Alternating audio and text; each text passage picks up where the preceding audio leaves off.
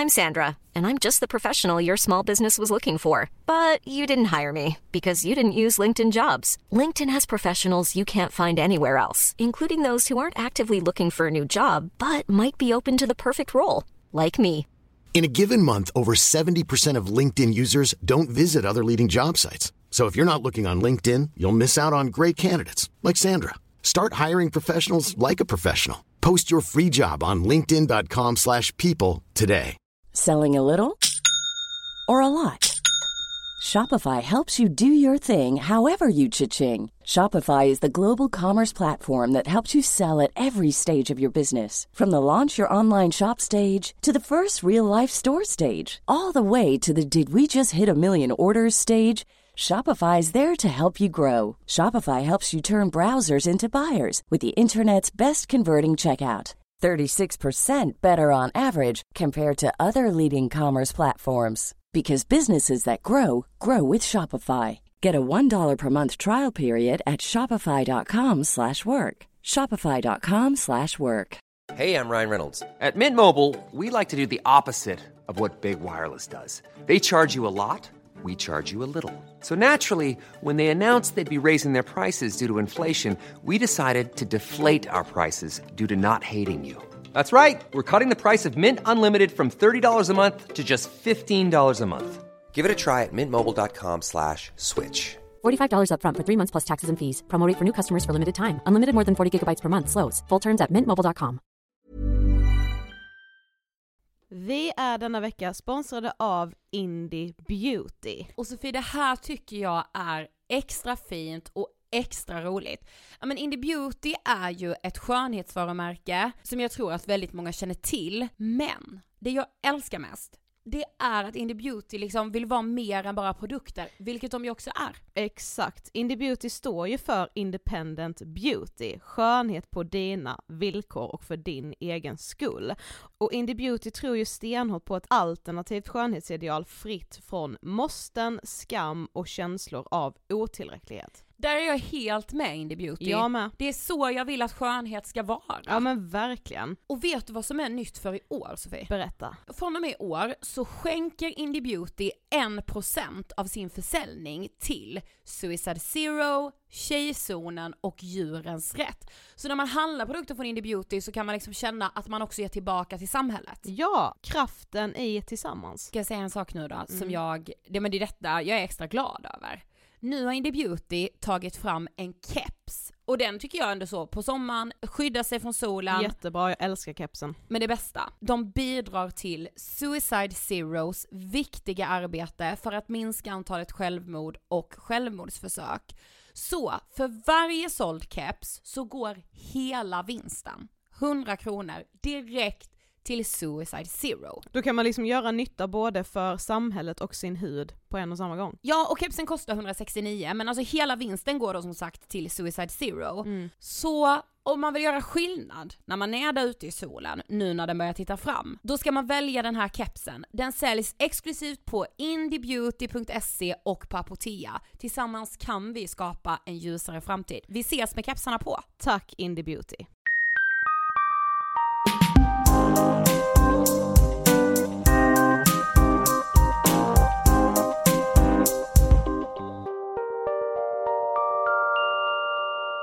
Hej på er och välkomna till årets första avsnitt av Ångestpodden och avsnitt 363.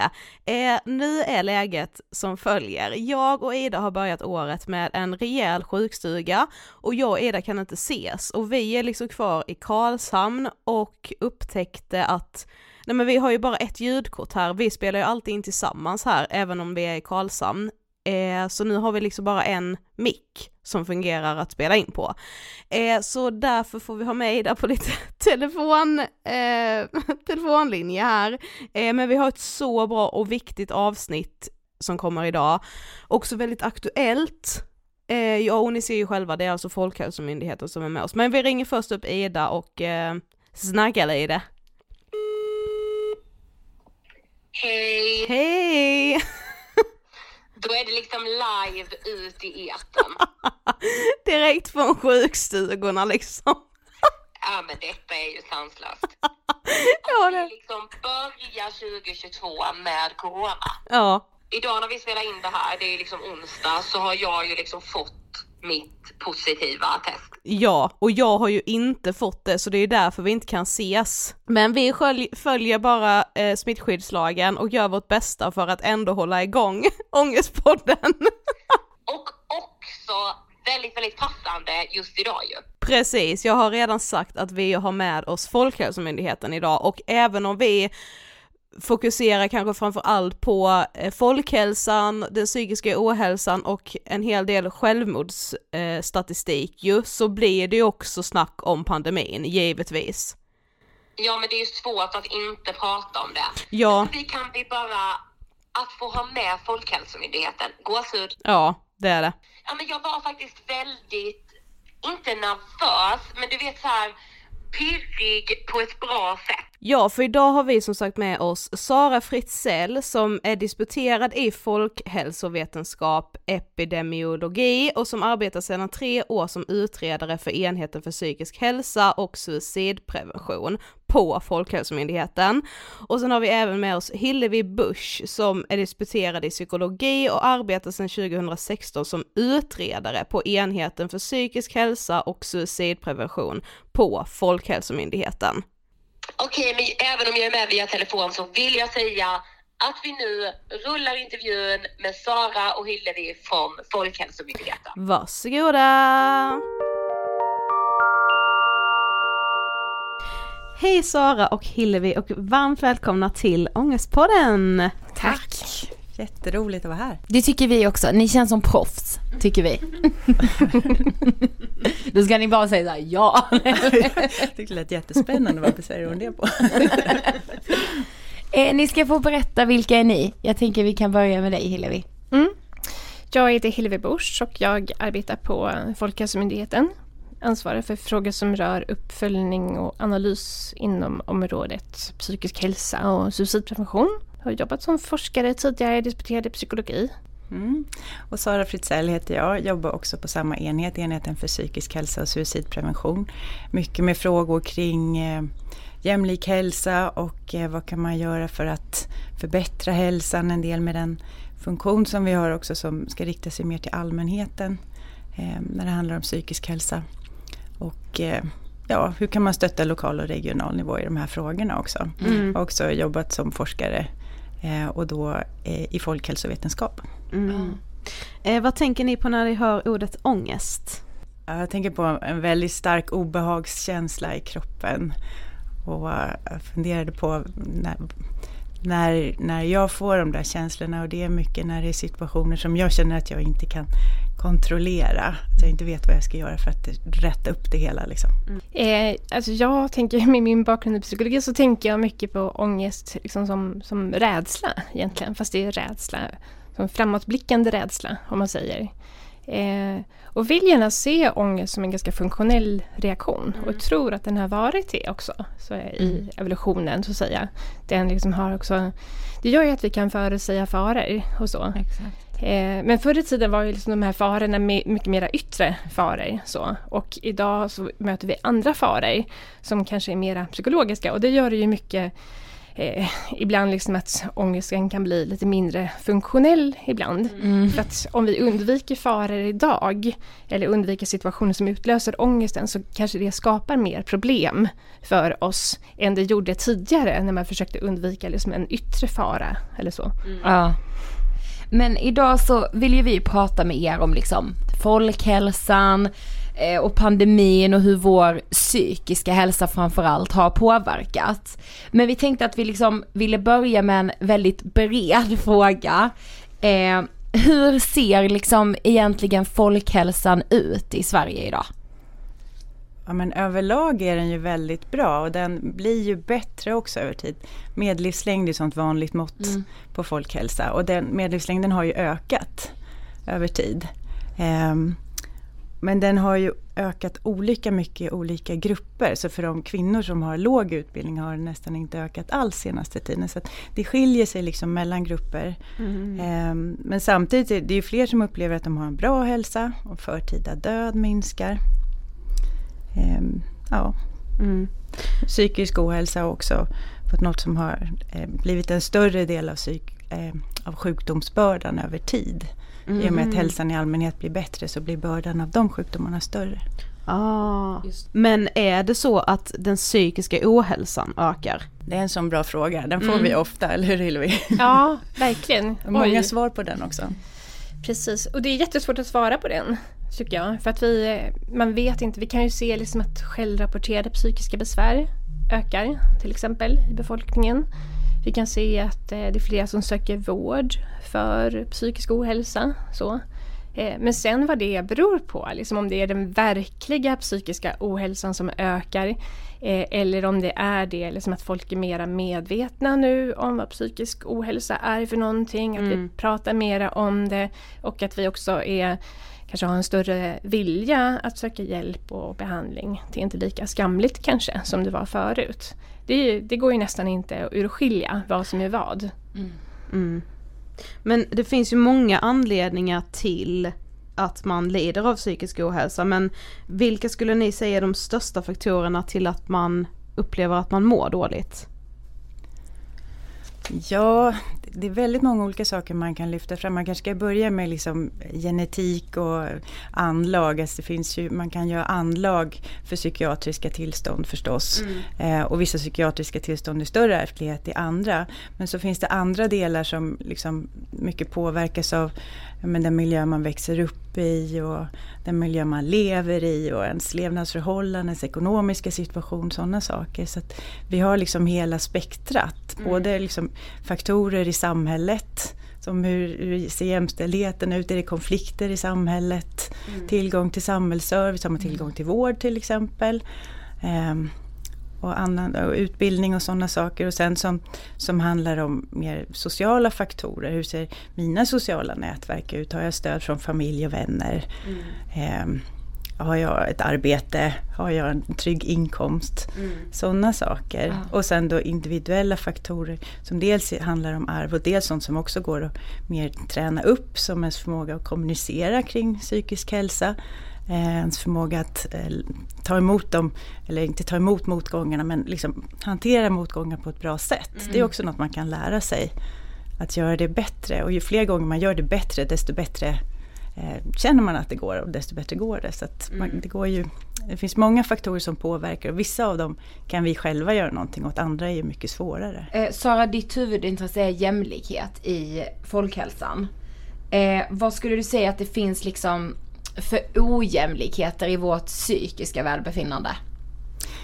Ja, det finns ju ojämlikheter oavsett nästan vad vi tittar på där. Om vi tittar på välbefinnande som, som du sa nu, om hur pass bra man uppger att man mår så god psykisk hälsa, så finns det ju sociala skillnader där också. Vi har tittat på till exempel hur det ser ut bland skolungdomar. Mm. Om de får eh, ranka sitt välbefinnande och det ju sämre ekonomi som man upplever att familjen har, desto sämre är värdena på god psykisk hälsa också. Så oavsett om vi tittar på eh, det här med god psykisk hälsa eller eh, sånt som psykiska besvär eh, eller psykiatriska tillstånd så finns det ojämlikheter i, i alla de här och i alla åldersgrupper mm. i Sverige och bland kvinnor och män.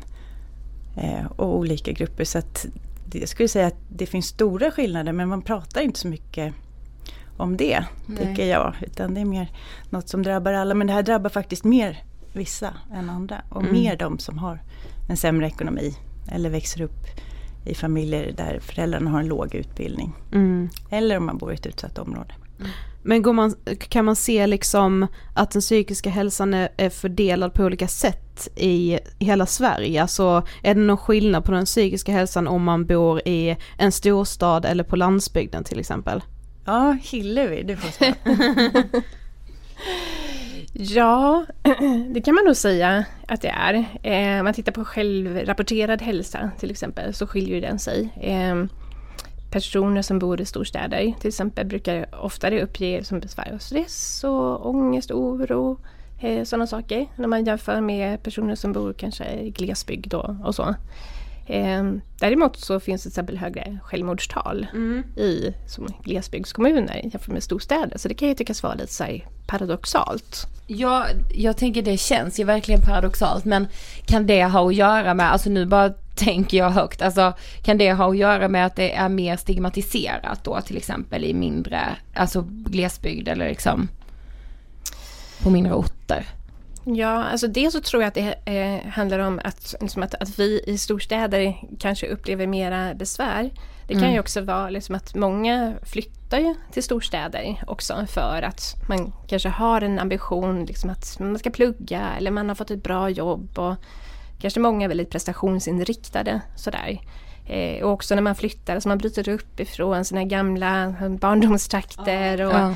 hamnar i en storstad där man kanske inte känner några, inte har några nätverk. Och, så jag tänker på många unga också, för det är ju många unga som, som gör den här flytten. Ehm, och eh, då som sagt man saknar de här nätverken och man samtidigt i en period också där man ska försöka förstå vem man själv är, man ska skapa Mm. sin identitet och liksom eh, ja, men kanske träffa någon partner eller veta vad man vill göra med sitt liv och sådana saker. Så allt det här sammanfaller då. Eh, och sen det här med självmordstalen där, det är absolut, vi vet ju ganska lite om liksom, exakt vad det beror på. Eh, Men det finns ju många som menar det, liksom att det kan finnas eh, ja, mera kanske macho-ideal eller så. Det är många män framförallt. Det är ju framförallt bland män som, eller män som tar sina liv. Så. Men jag tänker också på sådana saker som alltså metoder för självmord. Till exempel att i, i glesbygd kanske ofta finns eh, tillgång till vapen. Till exempel. Mm. Sådana saker.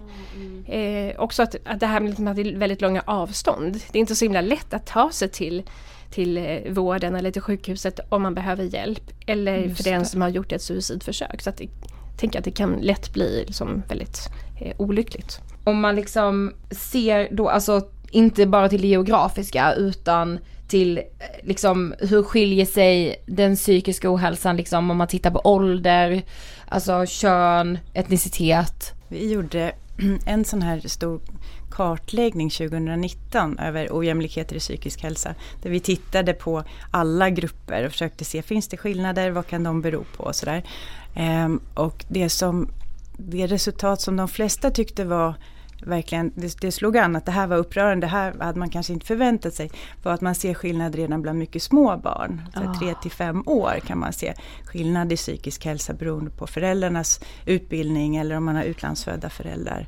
Eller om man bor mestadels med bara en förälder. Ah. Eh, och det känns ju liksom djupt orättvist att, att redan så små barn, att man ska se skillnader där. Men, Mm. men vi ser ju det här i alla åldersgrupper och även i sånt som gäller ja, men olycksfall, eh, missbruk, suicidförsök, eh, depression. Så att det, det är genom hela spektrat. Sen när man tittar på etnicitet då är det ju väldigt olika beroende på eh, anledningar till att man har kommit hit, om man har flytt, har med sig traumatiska upplevelser i bagaget eller om man har kommit hit för love or money, liksom att man Ja. har träffat någon och flyttat hit av den anledningen eller för ett jobb.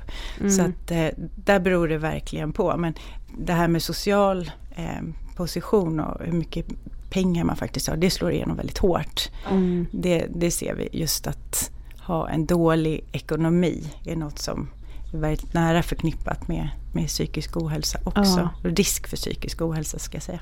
Så det är liksom egentligen ekonomin som är det tydligaste genom alla åldersgrupper och liksom etniciteter.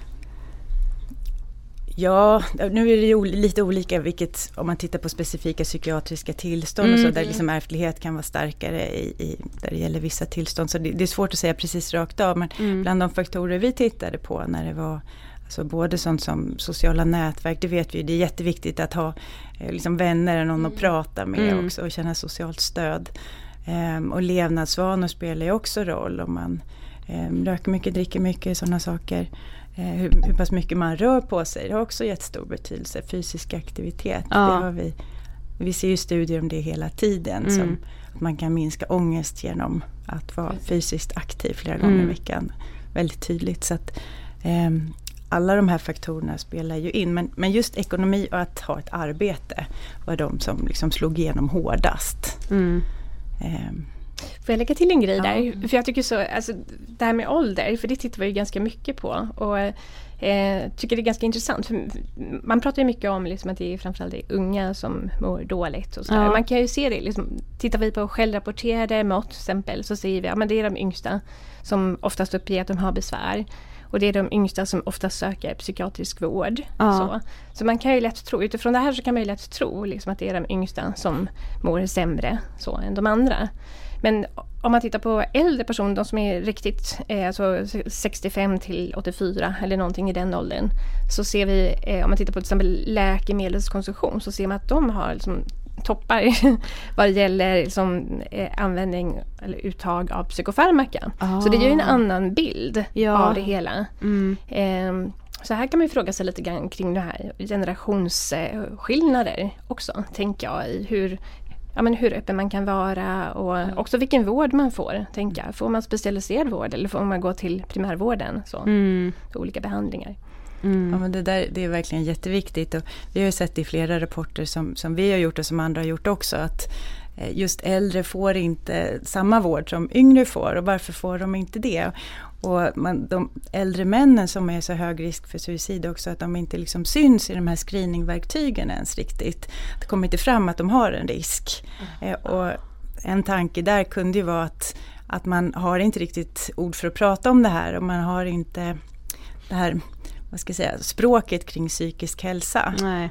Och det har vi också sett i målgruppsanalyser som vi har gjort. När vi har tittat på vad, vad behöver människor i olika grupper veta om psykisk hälsa. Och då just eh, för, för killar och för äldre män så kommer det här fram jättetydligt. Man har inte det här språket. De vet inte hur de ska sätta ord på sina känslor alltså. Nej, man inte, nej, precis. Man har inte de orden och man är inte van att prata om det heller. Man, man kanske inte Ja. i, i vissa generationer ens vill prata om det. Ja. Man alltså, tar det sig andra uttryck som kanske missbruk eller så Mm. istället. Men vad intressant, vad, vad uppgav liksom andra målgrupper i just den frågan? Alltså vad, vad behöver man kring just ämnet psykisk ohälsa? Ja men den största, det största var nog att ehm, just få ord kring det här och att prata om de här frågorna och ta bort det här att, att det är skamligt att prata om det och så. Så det arbete som ni gör här är ju superviktigt i den linjen, verkligen. Ehm, men så dels var det det, hur ska man prata om det, hur ska man hitta information, vad, vad har betydelse för psykisk hälsa. Man ska liksom börja tänka mer på sin psykiska hälsa också, vad man faktiskt kan eh, göra själv för att må bättre. Ja.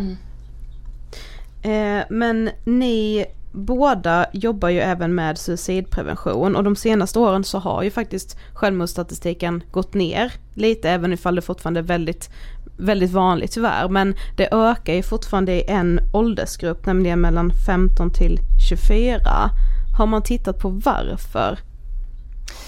Ja, alltså för det första får man säga, det här med ökningen, det är ju liksom inte helt som fastställt hur, hur det egentligen är. Om man tittar på graferna så går det väldigt upp och ner.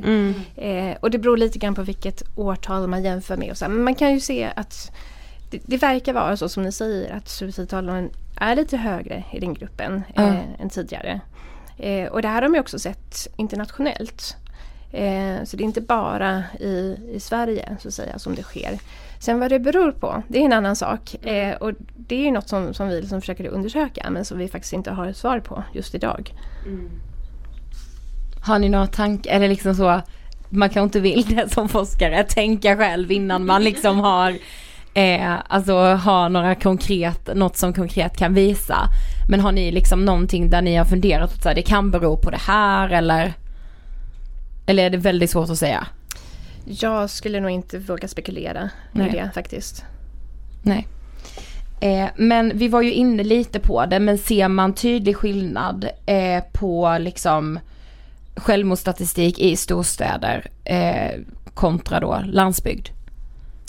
Ja, men precis. Det var det som jag var inne på förut. Liksom att, att det är en högre andel eh, personer som uppger att de har psykiska besvär i storstäder. Så stress och ångest till exempel är mycket vanligare i storstäder eh, än vad det är i glesbygd. Eh, men då liksom att till exempel självmord är vanligare i eh, glesbygd. Det är sådana skillnader som man kan se. Mm. Sen finns det ju skillnader inom områden i, i storstäder också. Det tycker jag också är ganska viktigt att lyfta upp just om man tittar på de här mer socioekonomiskt utsatta områdena. Mm. Eh, finns det studier som visar att eh, gymnasiekillar där till exempel, det är en större andel som uppger att de har en psykisk ohälsa. Men sen när man tittar på faktiska vårdsökandet, hur mm. många som kommer till vården för psykiatriska tillstånd så är det lägre än, än man skulle förvänta sig utifrån behoven. Eh, så det, mm. det finns ju också olika olika barriärer tror jag med att söka vård ja, för olika grupper. Så hur, hur lätt tycker man att det är att, att be om stöd och hjälp och vet man vart man ska vända sig och finns det faktiskt möjlighet att komma dit? Ja. Hur lätt är det att förstå? Man kan ju mm. behöva jag tycker det är svårt att navigera i vården själv. Ja, man, jag vet inte riktigt alltid vart man ska vända sig. Men, men, man har ju möjlighet att kolla upp det. Mm. Men det, de som inte har samma förutsättningar för det, det blir mycket svårare. Mm. Men vi har också fått uppfattningen om att eh, det skiljer sig ganska mycket, alltså just vad man har för tillgång till hjälp beroende på var man bor i landet. Alltså att det kan skilja sig också väldigt mycket. Eller hur, hur ser det ut? Tillgängligheten på vård för psykisk hälsa. Mm.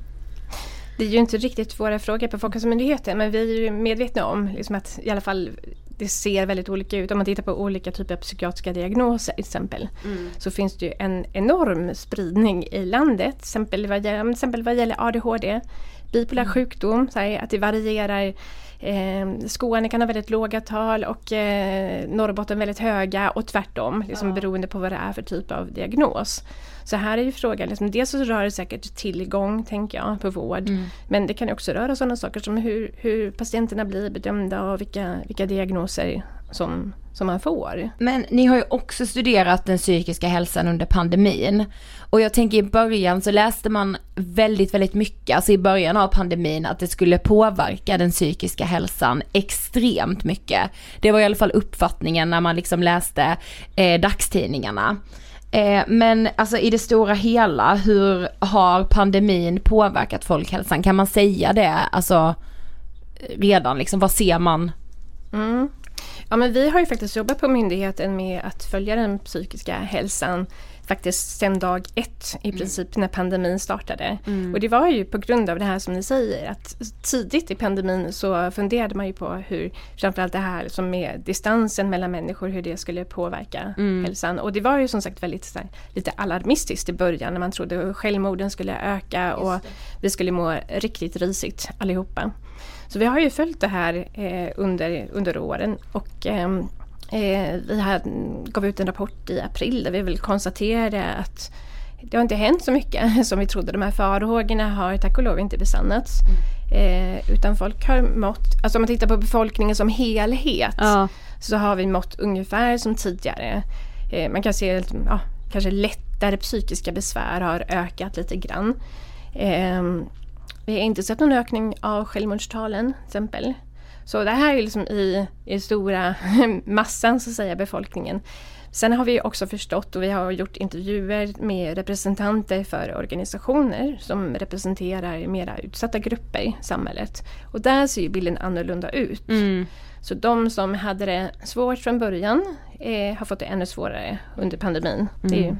typiskt. Precis, vi, vi gjorde också en, en, speciell undersökning av just äldres hälsa och livsvillkor där i början av pandemin när de var väldigt sådär... Ja, de, de skulle, skulle vara superisolerade. De skulle liksom. vara superisolerade, ja. exakt. Och, eh, och, det, och då när vi ställde frågor i de här enkäterna så visade det sig att de som, de som kanske bor i villa har en partner och sådär, att de har haft det rätt okej ändå. Alltså, särskilt kvinnorna saknar det här sociala kontakter och krama barnbarnen och så. Men, mm. men om man kan komma ut och man kan umgås med andra även på distans och man kan göra något som känns meningsfullt och man kan vara fysiskt aktiv. Alltså, de här um...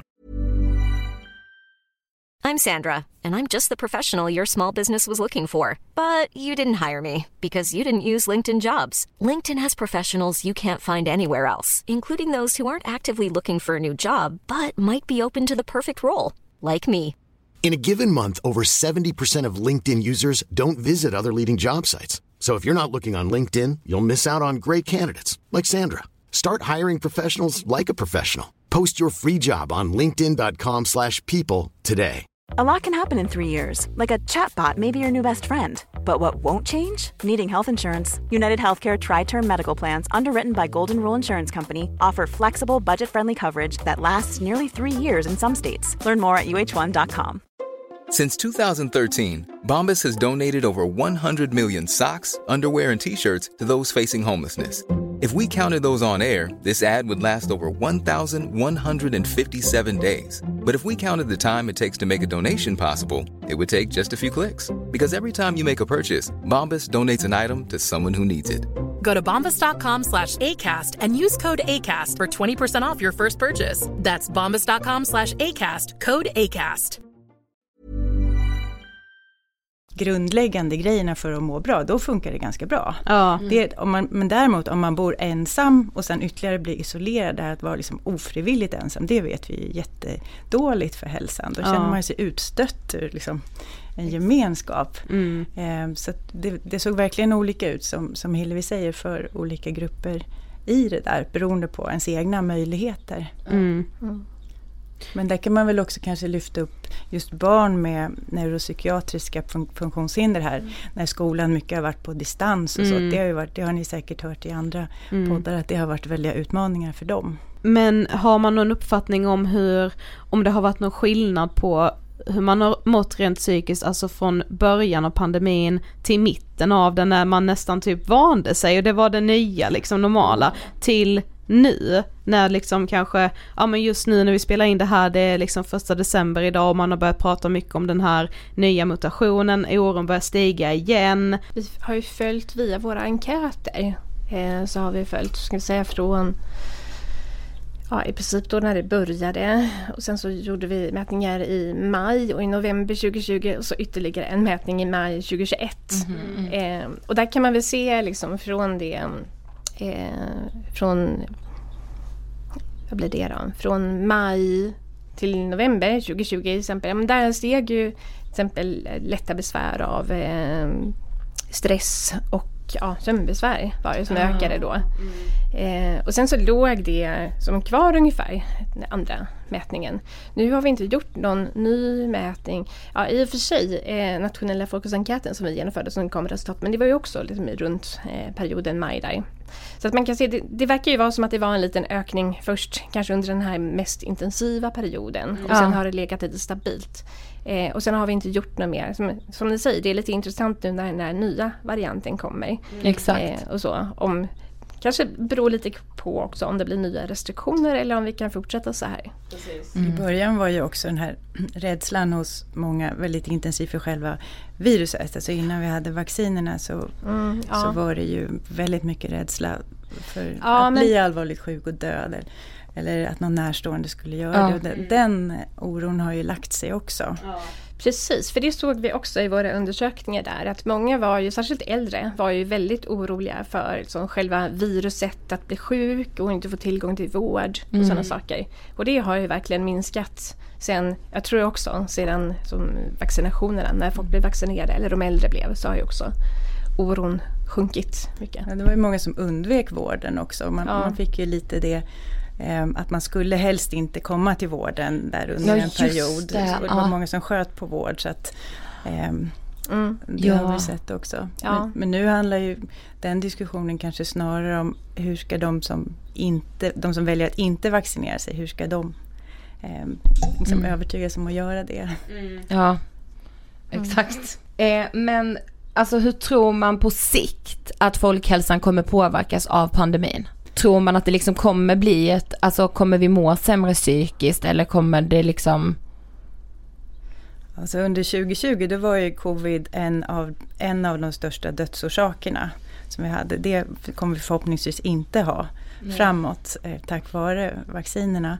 Ehm, och att smittan går ner. Men eh, något som vår förra generaldirektör lyfte fram mycket var att men, den här pandemin har ju också belyst många skillnader i samhället som man faktiskt kan behöva göra någonting åt. Så att det spreds snabbare i mer utsatta områden på grund av att man var trångbodda. Mm. Man, man kunde inte hålla fysisk distans. Och man, om man har en viss typ av yrken då behöver man åka in till jobbet. Även om det är hemarbete som liksom gäller så är det Mm. fortfarande en tredjedel som inte kan det utan som behöver åka till jobbet.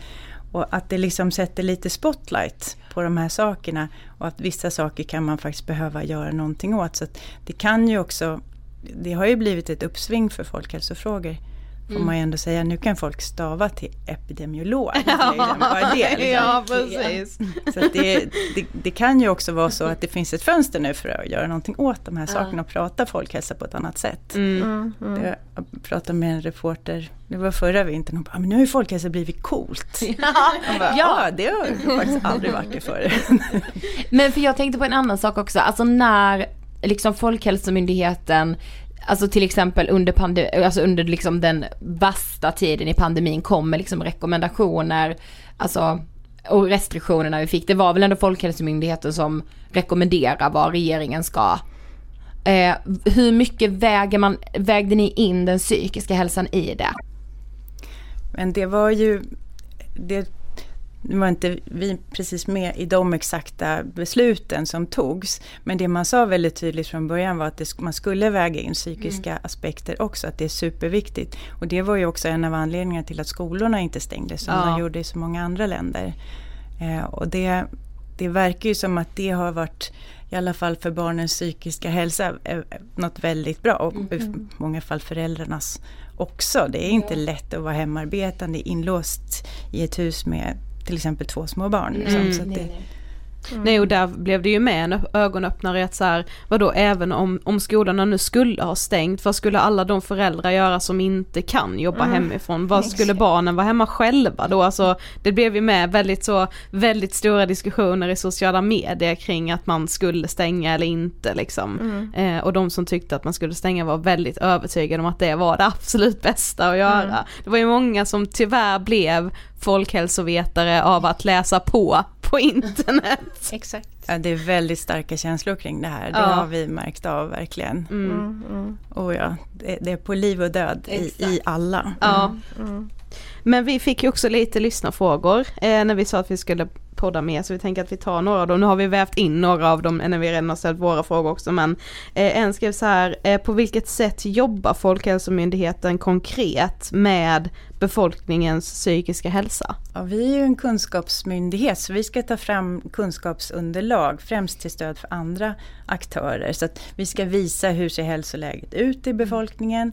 Eh, vi ska visa de som jobbar eh, med människor där, där det handlar om de här frågorna, vad de kan göra för att det ska bli bättre mm. eh, och hur man kan jobba. Liksom, och det intressanta med folkhälsa är ju att det berör ju alla områden i livet.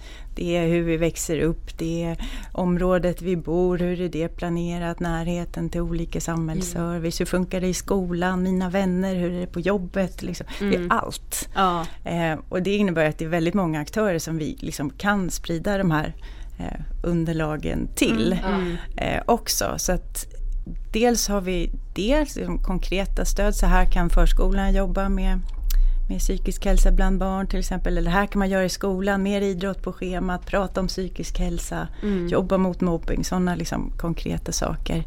Eh, men också det här eh, stödet till eh, allmänheten mer att om man, om man vill läsa på mer om psykisk hälsa så ska man kunna göra det på våra sidor också, mm. på Fokus psykisk hälsa det här är psykisk hälsa, det här påverkar, det här kan du göra själv, hit kan du vända dig om det känns jobbigt, så här kan du vara ett stöd för någon annan. Det är liksom en ny riktning mm. som vi har fått att vi mer ska vara ett stöd för allmänheten också. Det brukar inte Folkhälsomyndigheten ha, liksom en viss stöd till professionella aktörer mm. på regionen, på kommunen och så mm. vanligtvis.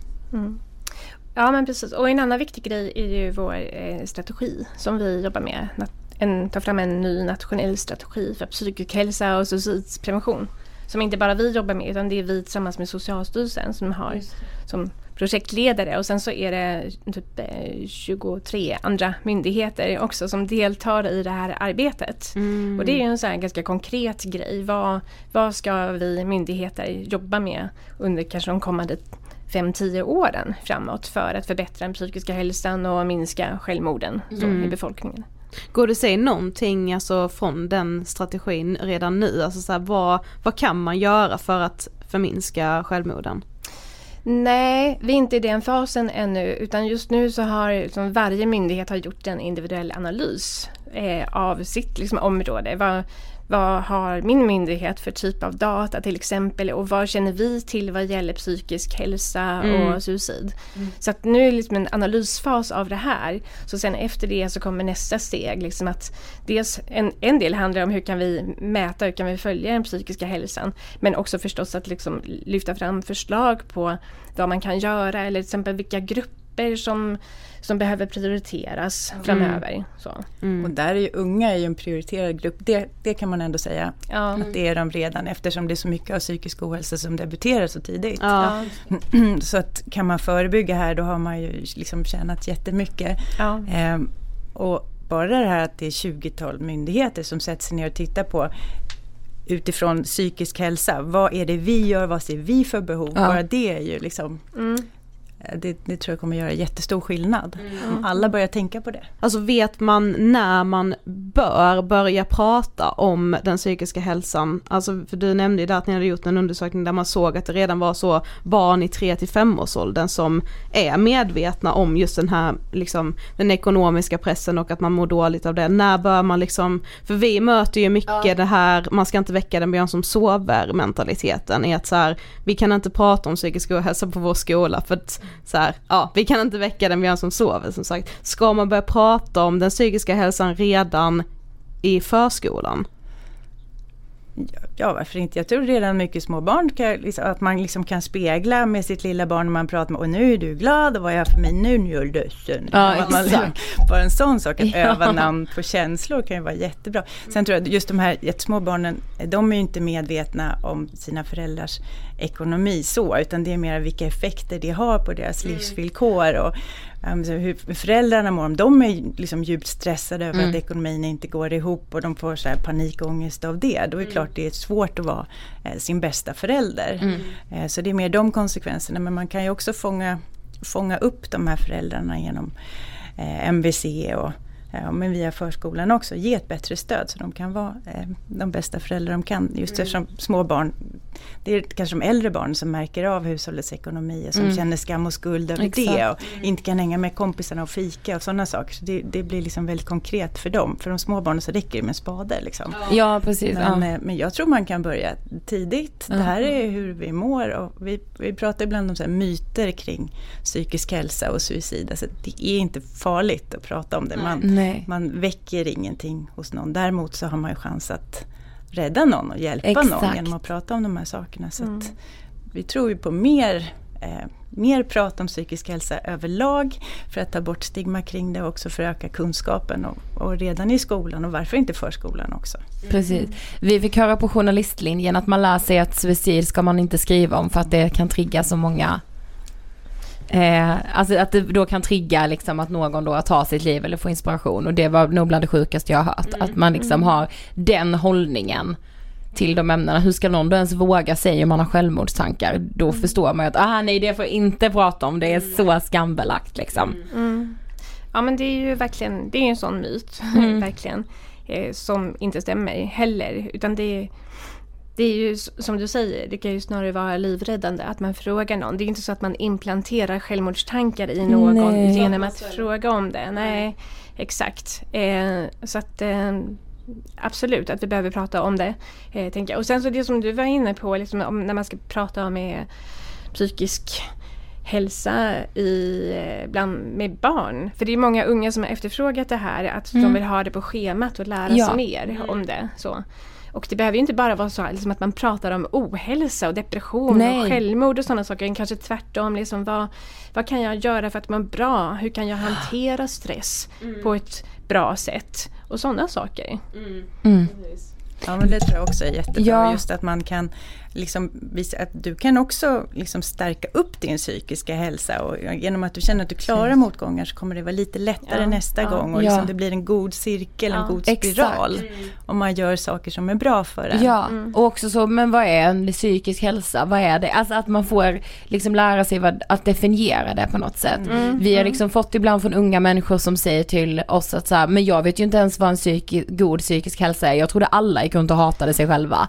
Ja. Och man är så här, ja just det för vi har inte ens, vet inte ens vad begreppen är. Så alltså men- dels på det sättet men sen tvärtom också att så här, det är inte farligt att känna att man har en dålig dag. Det är inte att vara sjuk liksom. Ja.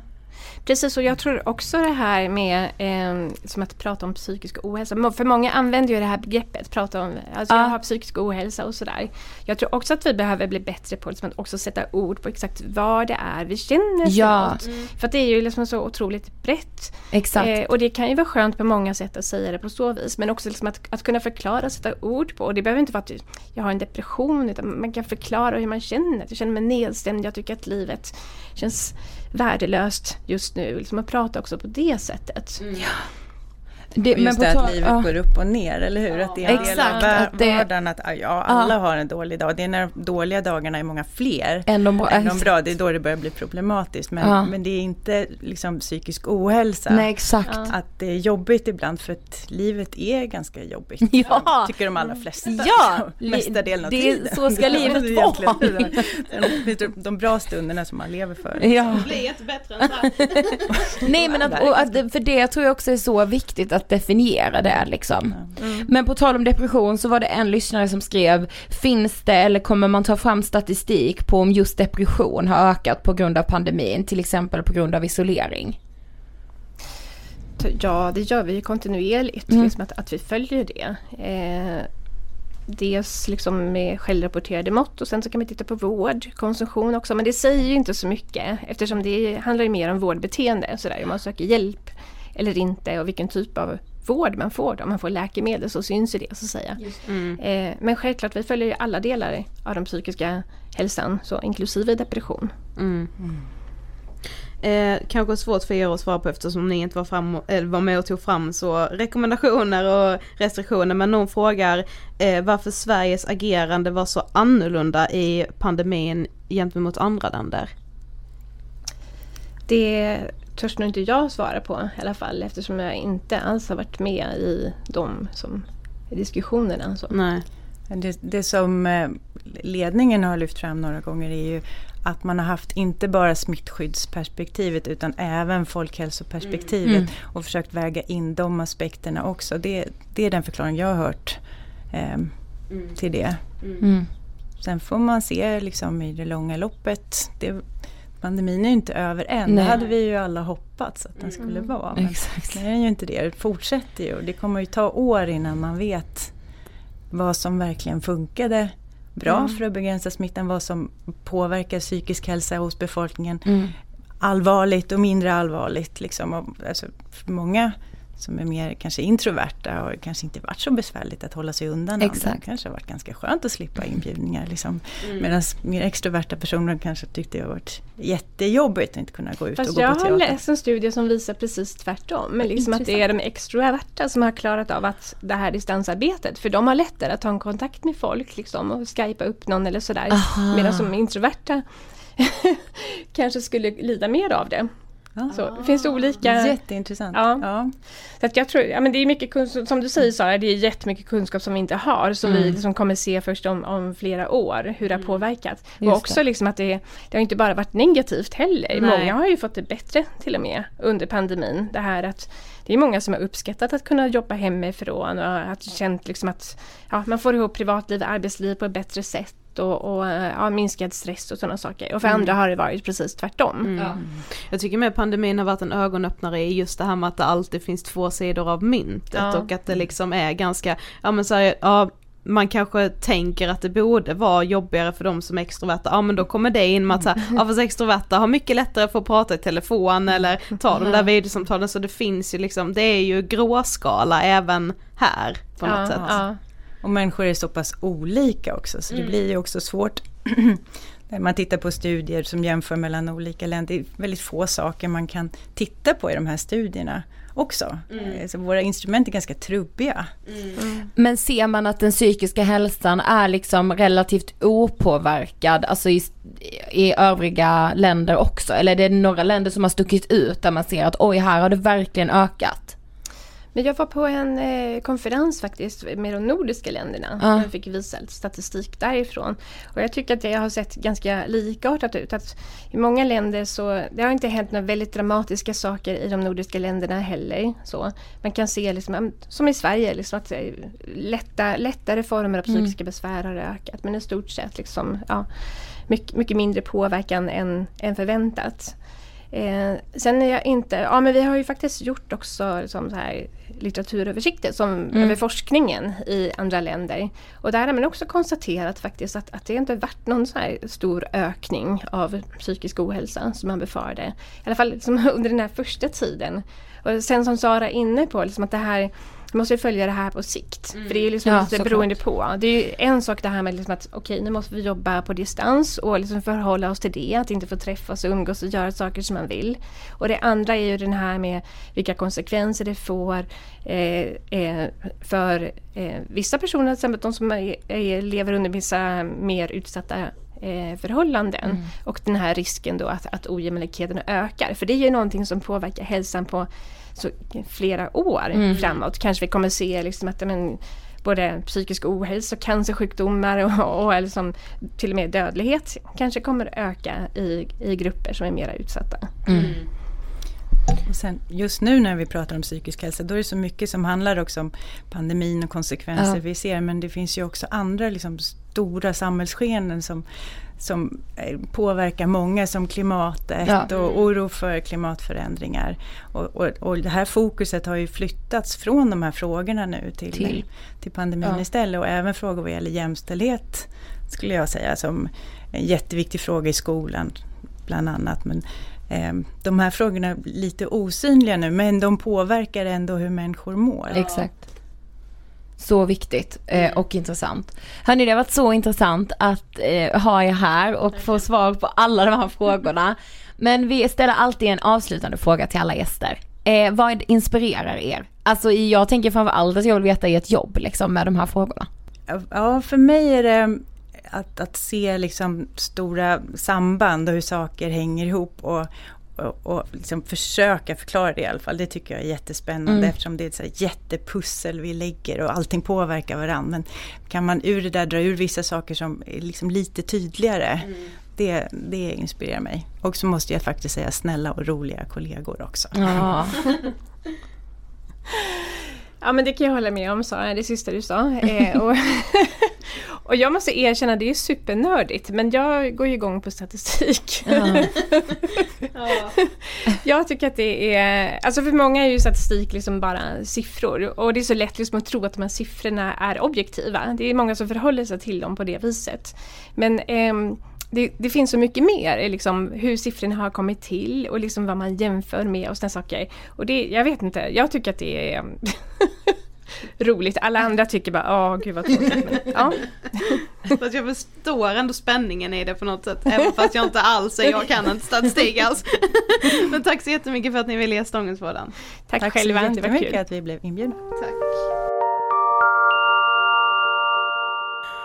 Okej, jag vill först och främst bara säga när vi spelade in det här avsnittet så var det ju i början av december och då hade man ju typ precis börjat prata om den här eh, omikronvarianten som ju nu typ dominerar i pandemin. Ja, men som jag förmodligen är drabbad av i talande stund. Exakt. Men jag kan ju bara säga att jag är ju liksom, jag vill ju grotta i statistik. Jag vill veta mer. Alltså just när vi pratar om självmorden och statistiken kopplat till det, landsbygd, storstad. Jag tycker det är så intressant. Ja, verkligen jag också. Och sen så tycker jag ju också att det är eh, intressant just det här med att i början av pandemin så blev ju, alltså det var ju typ oundvikligt att inte bli liksom alarmistisk och tänka liksom domedagen. Eh, och att man också ju har trott ganska länge att vårt, vår psykiska hälsa ska påverkas extremt mycket av pandemin, men det har man ju faktiskt än så länge kunnat se att den inte har gjort. Exakt. Och det är ju ändå liksom något positivt i hela den här, ja men i hela den här pissen. Dock ska man ju säga som ju Hillevi också säger att man kan ju se att de som hade det dåligt på något sätt innan pandemin har ju fått det ännu värre nu. Alltså jag tänker på liksom, alltså kvinnojourerna har ju sett att ännu fler kvinnor söker hjälp och liksom har du bott kanske i ett utsatt område eller om, om du har haft det väldigt dåligt ekonomiskt ställt så har du ju kanske påverkats ännu mer negativt av pandemin.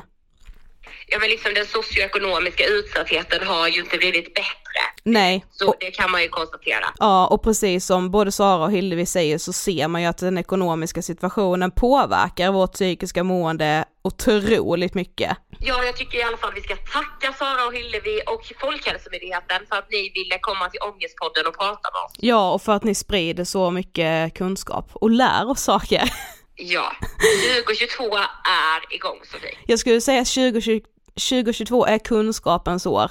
Ja, och jag hoppas inte sjukdomens år tänkte jag säga. Men det var ju synd att vi behövde börja året på distans. Ja, det är lite uppförsbacke, men nu kan det bara bli bättre. Ja, det hoppas jag verkligen. Ja, okej. Okay. Vi hörs ju förhoppningsvis helt som vanligt nästa vecka. Ja, men det gör vi. Ja. Okej, okay. och följ oss på Instagram, där heter vi Angestpodden. Ja, gör det. Kan man ge mig som en sån här pepp just nu när jag är sjuk. Ja. Okej, okay, hej då! Hej då!